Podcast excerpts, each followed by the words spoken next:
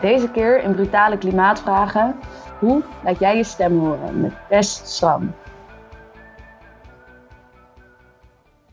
Dag allemaal, welkom bij een nieuwe aflevering van de Brutale Klimaatvragen podcast. Ik, Francis, zit hier samen met Elisa als lid van Jongeren Milieuactief, de jongerenorganisatie van Milieudefensie. Vandaag gaan wij in gesprek met Tess Schram, de persoon achter de podcast en het Instagram-account Tess to Sustainability. In de podcast probeert Tess een weg te zoeken naar een duurzaam leven. Tess, welkom. Superleuk dat je er bent. Ja, dankjewel. Uh, zou je jezelf misschien kort kunnen voorstellen? Ja, zeker. Uh, nou, hallo allemaal. Mijn naam is Tess. Ik ben um, 29 jaar. Ik kom van de Veluwe en um, ja, ik ben sinds een halfjaartje bezig met uh, Test to Sustainability, de podcast. Superleuk. En waarom uh, had je het gevoel van ik wil zoiets beginnen? Was je daarvoor ook al bezig met duurzaamheid? Nee, totaal niet. Totaal niet. Ik was, um, nou, het is alweer twee jaar geleden dat ik naar Bali ging en ik ben daar lekker gaan duiken. Alleen toen we daar het water in gingen, kreeg ik al de waarschuwing van, oeh, let op, er zit wat plastic in het water. En dat begon een beetje te knagen. Denk ik, oh, oké, hm, jammer. Dook ik daar in het water en uh, het was super mooi. Alleen inderdaad, hier en daar zag je gewoon plastic door het water in het koraal. Dat was echt te bizar voor woorden. En toen begon het een beetje te knagen van, hier klopt iets niet. Ja. Nou, toen ben ik vorig jaar, begin vorig jaar was het, dacht ik van, nou, weet je, dat, dat onderwerp duurzaamheid, ik, ik moet er wel wat mee gaan doen. Alleen, het is zo'n groot, zwaar beladen onderwerp. Waar begin je? En ik vond het ook een beetje spannend. En toen onder het idee van, nou, ik zal vast niet de enige zijn die dit zo'n heftig onderwerp vindt wel iets mee wil doen, maar geen idee heeft waar ik moet beginnen. Waarom neem ik niet gewoon mijn weg naar duurzaamheid op via een podcast? Want ja, ik hou van praten, ik hou van podcast, dus ja, één en één is twee. Supergoed, ja. Ook superleuk dat je inderdaad op die manier gewoon op een soort van toegankelijke manier probeert kennis te maken met uh, verschillende onderwerpen. Want dus in je podcast nodig je allemaal verschillende mensen uit. Wat zijn een beetje mensen die je al gesproken hebt over wat voor onderwerpen? Ontzettend breed. Echt van um, modegebied, dus slow fashion, tot uh, voeding, plantaardige voeding, tot uh, zero waste lifestyle, dus leven zonder plastic, leven zonder afval. Uh, hoe, hoe, gaat dat in zijn werk? Maar dan ook weer juist de kant over initiatieven die er zijn gedaan. Dus ik had bijvoorbeeld een gast die is naar Spanje gegaan en daar 20 hectare land gekocht om zijn eigen agroforestry te bouwen. Dus uh, echt meer, nou ja, zelf de landbouw in te gaan en kijken van hoe kan het wel op een ecologisch verantwoorde manier. Ontzettend inspirerend. Uh, en dan ook weer iets als hoe ga je het gesprek aan over het klimaat? Dus de psychologie achter klimaatgesprekken. Dus in de breedste zin van het woord duurzaamheid ben ik aan het ontdekken wat er allemaal bij komt kijken en ook daarbij dingen aan het uitproberen. Oké, okay, wat leuk dat je dat ook met anderen deelt op deze manier. Ja, ja, inderdaad. En ja, je hebt dus echt al heel veel dingen en informatie gekregen van mensen en dingen geleerd over duurzaamheid. En wat is nou voor jou echt iets waarvan je denkt, dit zou iedereen moeten weten? Dat is echt iets waar, wat je heel makkelijk kan veranderen en waar ik veel aan heb gehad? Ja, eigenlijk eh, bij alles wat ik heb geleerd, waren er hele makkelijke stappen om het zelf toe te passen. Mijn, mijn grootste pijnpunt was, oh jeetje, ik wil niet mijn hele leven meteen omgooien, op een houtje bijten. Um, dat is toch een beetje het idee wat je hebt bij van, ik ga verduurzamen uh, is automatisch de reactie: ik kan niks meer, ik mag niks meer. Um, en dat heb ik wel geleerd. Dat is totaal niet het geval. Dus voor elk onderwerp heb ik wel dingen uitgeprobeerd. Dus bijvoorbeeld twee weken lang plantaardig leven, um, boodschappen doen zonder plastic, dus groente, fruit uh, en brood zonder plastic kopen.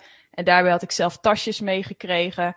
Uh, om nou ja, zonder plastic op de markt boodschappen te doen. En dat zijn eigenlijk hele makkelijke kleine stappen waarvan ik denk, dat, als ik het kan, kan iedereen dat. Ja, precies.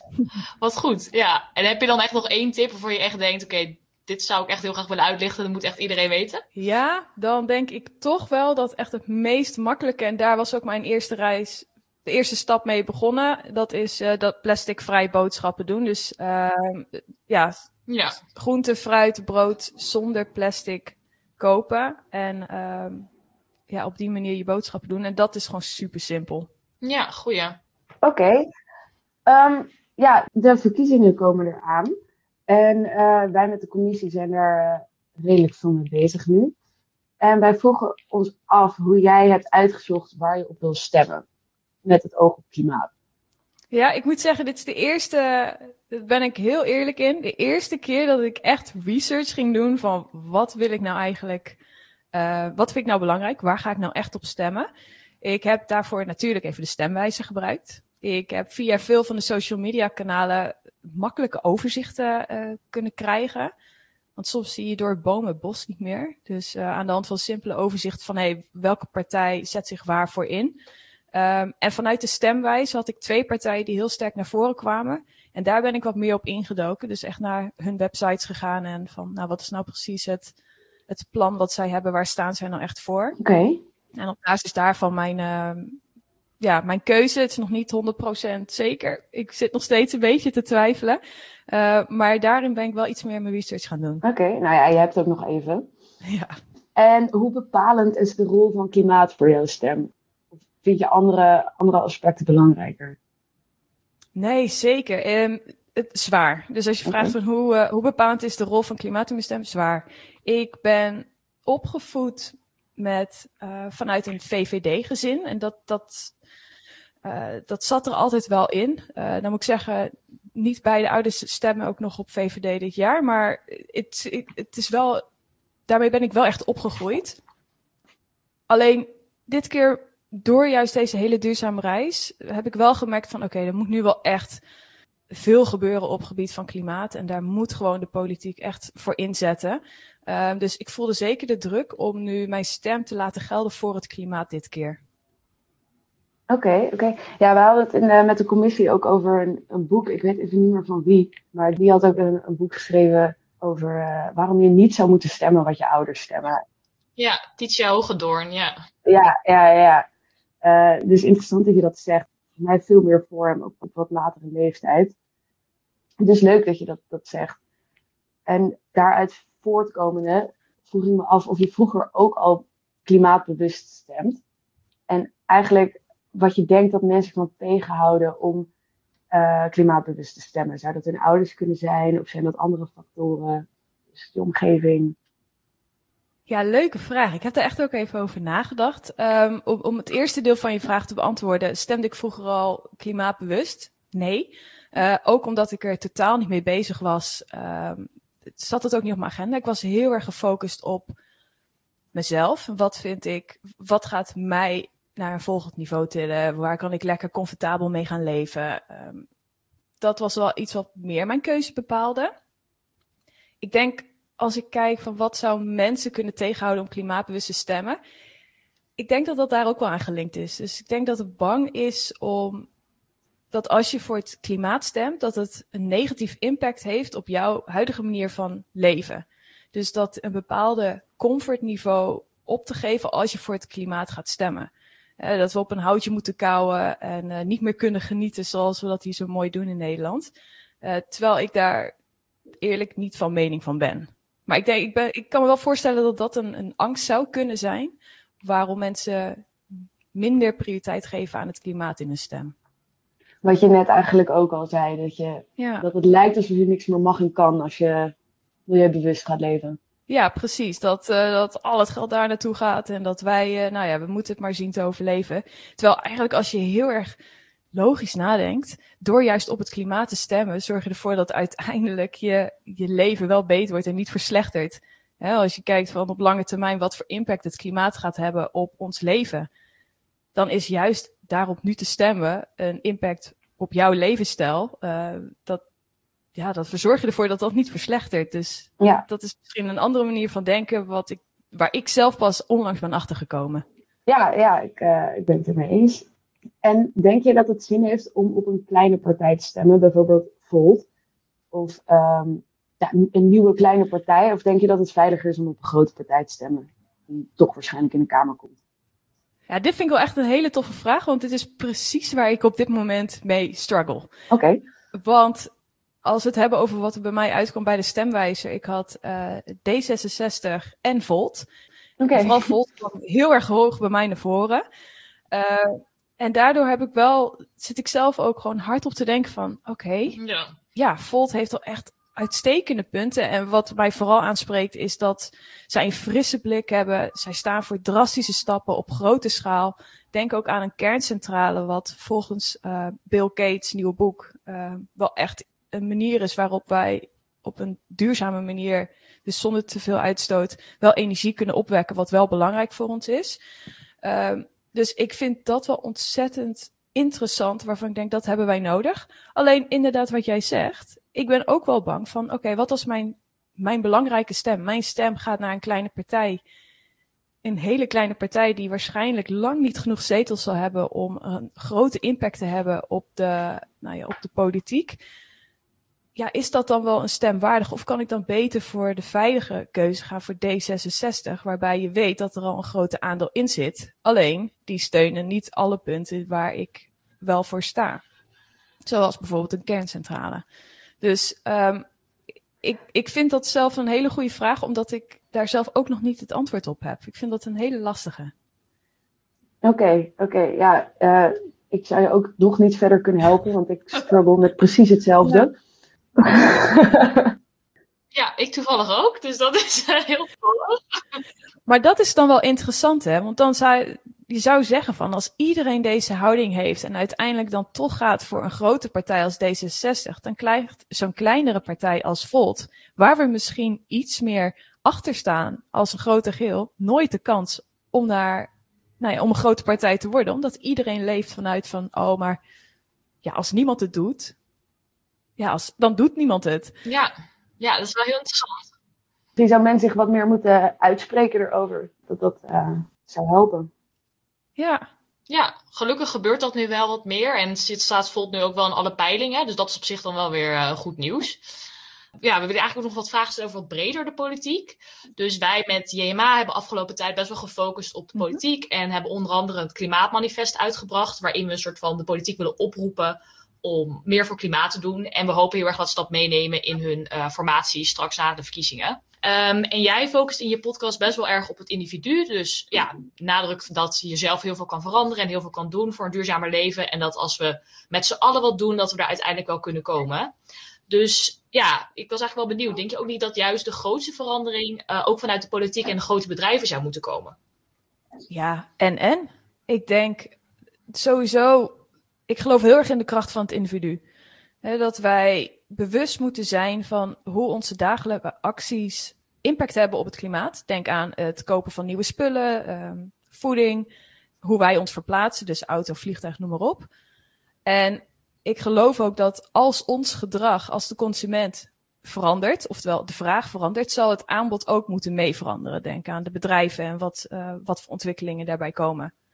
Alleen, hier alleen redden we het natuurlijk niet mee. Um, op grote schaal zie ik zeker dat de overheid een grote rol moet spelen om impact te kunnen maken. Denk hierbij ook aan uh, subsidies voor nieuwe innovaties te stimuleren. Dus um, er moet op grote schaal er moet verandering komen. Um, dus ik, ik, geloof in zowel de individu als de politiek, grote bedrijven, uh, die hier allemaal voor moeten inzetten. We moeten allemaal met de neus dezelfde kant op. Ja, precies. Ja, want ik denk dat ook voor dit individu. Zeg maar, als je bijvoorbeeld, nou, weet ik veel, veel vliegen of zo. Ja, het wordt je ook zo makkelijk gemaakt door juist dat er helemaal geen regels zijn over een extra vliegtax of iets in die richting.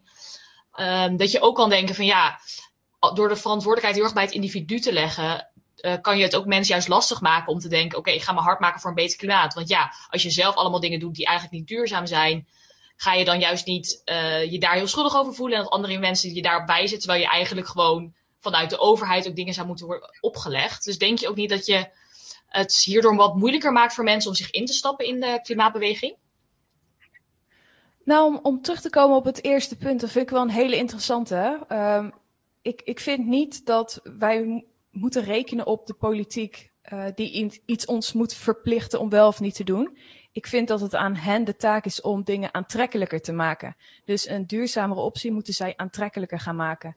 En door bijvoorbeeld te subsidiëren in bepaalde innovaties, waardoor het uh, duurzaam vliegen of duurzaam reizen aantrekkelijker wordt gemaakt, dan zal de consument zich automatisch ook anders gaan bewegen. Dus meer voor de, ja, de prijs, meest aantrekkelijke prijsoptie. Ja. Dus ik denk, dat dat een beetje. Um, ik, ik vind niet dat ze moeten zeggen: oh, we moeten nou uh, vliegen aanzienlijk veel duurder gaan maken, zodat mensen niet gaan vliegen. Nee, wij moeten andere manieren van reizen aantrekkelijker maken. Uh, verbeteren. Denk aan het treinnetwerk uh, versnellen, optimaliseren, beter maken. Uh, om die manier van reizen aantrekkelijker te maken. En daardoor het vliegen iets minder te stimuleren. Dus daar geloof ik wel wat meer in. Um, ja. En even kijken hoor. Je had, je had verder nog een vraag over het, het schuldig voelen van onduurzame keuzes maken. Zou je die nog een keer vertellen? Vliegschaamte. Ja, ik merk bijvoorbeeld wel eens dat als ik, uh, dus nou, ik ben dan wel actief zeg maar met uh, klimaat bezig door dan uh, hier de commissie te doen. En dat je toch dan ook wel mensen kan hebben die zeggen van ja, maar ja, je vliegt wel, je gaat wel op reis. moet je dat dan ook niet doen? Hoe kan je zeggen dat je duurzaam bent als je dat soort dingen nog wel doet? Terwijl ik denk, ja, ik doe tenminste iets soort van. En het is al hartstikke goed dat je zeg maar actief bent en in ieder geval probeert politiek bijvoorbeeld erop aan te spreken. Ja, ik vind het sowieso heel herkenbaar wat je daar zegt. Dat uh, als, als groot, reisfanaat is dat natuurlijk de eeuwige struggle die ik heb. Um, ik geloof, en wat ik ook terugkrijg van al mijn gasten die ik spreek in de podcast, en hier hebben we ook hele open gesprekken over. Het is niet het een of het ander. Uh, eh, 100% duurzaam leven, dat, dat hoef je niet van jezelf te verwachten. En fouten bestaan daarin ook niet. Dus voel je ook niet meteen heel erg schuldig als je een keer een niet een duurzame keuze maakt. Ik vind het wel belangrijk dat je het bewust doet. Dus dat je weet van, oké, ik maak bewust deze keuze. Uh, en ik weet wat erbij komt kijken. Dus het schuldig voelen, dat ja, vind ik niet zozeer nodig. Ook al herken ik het zelf wel. Uh, het, is, het is ook best wel een defense mechanism. Sorry voor mijn Engels. Ik vind soms de woorden in Nederlands wat moeilijker te vinden. um, van anderen om zichzelf daarin een beetje goed te praten als ja. zij ook iets niet duurzaams doen. Door juist de vinger naar jou uh, of ja, naar precies. een ander te wijzen van, ja. uh, oh maar wacht, maar jij reist wel, maar ja, dan ben je totaal niet duurzaam bezig. Dus dat is misschien ook meer even zichzelf indekken van. Uh, ja, dat denk ik heel erg inderdaad. Ja. En heb jij dan wel vertrouwen in de politiek dat ze dus gaan doen wat, wat nodig is de komende tijd? Nou, ik ben een optimist. Dus ik hoop het wel. Alleen eerlijk gezegd, ik vind het wel lastig en heb ik niet heel erg veel vertrouwen dat ze het op grote schaal, wat nou echt nodig is, het gaan aanpakken. En dat vind ik ook wel heel erg spannend, een beetje eng. Dat ik denk van jongens, oké, okay, er worden mooie beloftes gemaakt. Uh, soms niet eens zo groot als dat ik zou willen. Het mag nog wel meer, het mag nog groter.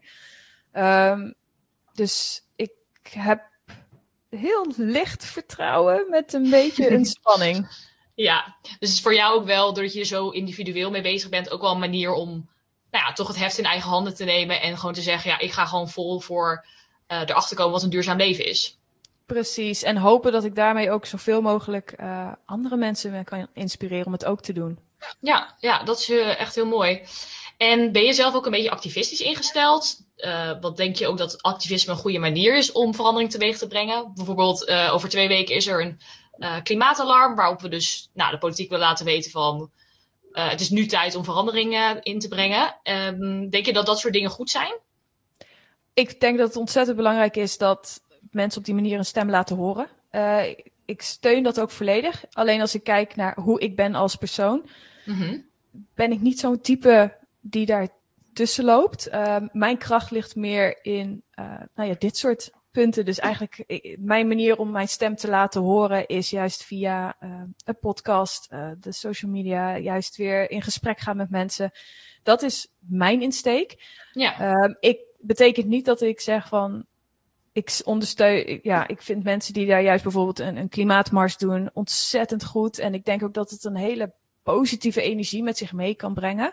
Um, mensen zoals Greta, ontzettend veel respect voor. En die hebben ja. ook echt wel bepaalde bewegingen in gang gezet. Dus um, ben ik activistisch? Um, als je daarmee refereert naar, sta ik daar met een bord? Nee, dat niet. Ben ik activistisch en stel ik, zet ik me in voor het klimaat en voor beweging uh, op mijn manier? Dan ja. Ja, ik denk ook dat je allebei gewoon heel erg nodig hebt. En dat jij, wat jij doet ook juist mensen over de streep kan halen om zelf ook een duurzamer leven te gaan leiden. En dat is natuurlijk ook echt precies wat we nodig hebben. Dus ja, echt heel interessant.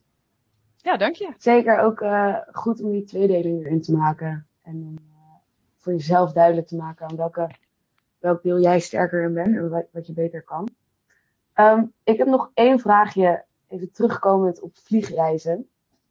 En dit is puur mm-hmm. omdat ik er twee minuten voor het opnemen van deze podcast een gesprek over had met een huisgenoot van mij. Je ziet wel eens als je vliegtickets gaat boeken, dat je je, je vlucht kan compenseren voor 1 euro of zo. En dan ben je CO2-neutraal aan het reizen. En we hadden net een discussie erover van waarom, waarom zit dat niet sowieso in het vliegticket? Want als je dat met 250 man in die vlucht gaat doen, dat kost 1 euro per persoon. 250 euro op grote schaal is gewoon echt niet zoveel. Waarom wordt dat niet gewoon standaard gedaan? Ja, goede vraag. Dat is toch raar? Dat zou toch van een, van een vliegmaatschappij moeten komen of van een overheidsinstantie in plaats van dat ja, iedereen kan die 1 euro missen als je toch al 100 euro voor een vliegticket neerlegt. Hoezo wordt dat bij de individu gelegd? Ja, goede vraag. Zou ik het antwoord niet op weten, maar ik ben wel benieuwd of dat uiteindelijk ook de oplossing is. Ik heb een keer een, uh, een podcast opgenomen op gebied van uh, duurzaam reizen. Nou, dat is natuurlijk uh, een groot vraagteken ook voor mij, omdat ik zelf ook in de reisindustrie werk. Van, ja, hoe kunnen wij dat hoe kunnen wij dat aanpakken? Um, ik weet niet zozeer of we met 1 euro per persoon daadwerkelijk de vlucht compenseren. Dat is sowieso al één vraagteken wat ik daarmee heb. Ja, dat vraag ik me ook af eigenlijk. Er zijn best wel veel dingen als een soort green marketing wat nu gaande is om mensen wel een goed gevoel te geven voor dat soort, als ze op die knop klikken. Uh, van oh, ik ben eigenlijk toch wel duurzaam bezig. Maar uiteindelijk is het, is het natuurlijk niet een echte duurzame oplossing. Vliegen blijft gewoon een groot impact hebben. Uh, vooral als de vliegtuigen niet worden, uh, nou ja, duurzamer worden gebouwd. Uh, dat we aan alt alternatieve, zie ga ik weer richting het Engelse, alternatieve brandstoffen gaan. Ehm, ben ik benieuwd of dat altijd de oplossing zou zijn. Ehm, dat gezegd hebbende, ben ik ook van mening alle beetjes helpen. Dus als, als dat automatisch in de norm zit. En ik ben heel erg benieuwd waar ze dat geld dan naartoe uh, brengen. Ja, dat vraag ik me ook af dan ben ik ook wel heel erg benieuwd wat ze de, ja, wat. Nou ja, dan zou ik het zeker stimuleren van jongens, laten we dat automatisch in de tickets verwerken. Ja. Dan ben ik ook wel bereid om dat uh, gewoon te accepteren. En dat uh, ja, zou ik prima vinden. Oké. Okay. Nou, heel erg bedankt voor, uh, voor je antwoorden, voor je, voor je inzichten en het gesprek. Ja, dankjewel. Ontzettend leuk. En uh, ik ben ook heel erg benieuwd waar dit. Uh, ik vind sowieso de beweging die jullie hebben ontzettend mooi. Dus ik hoop dat, uh, ja, dat ook de komende verkiezingen tot mooie resultaten zullen leiden. Ja, dankjewel. Tess, nogmaals heel erg bedankt voor het gesprek. Luisteraars, heel erg bedankt voor het luisteren. Vergeet niet om nog even naar het Klimaatmanifest te kijken en het te ondertekenen als je dat nog niet hebt gedaan.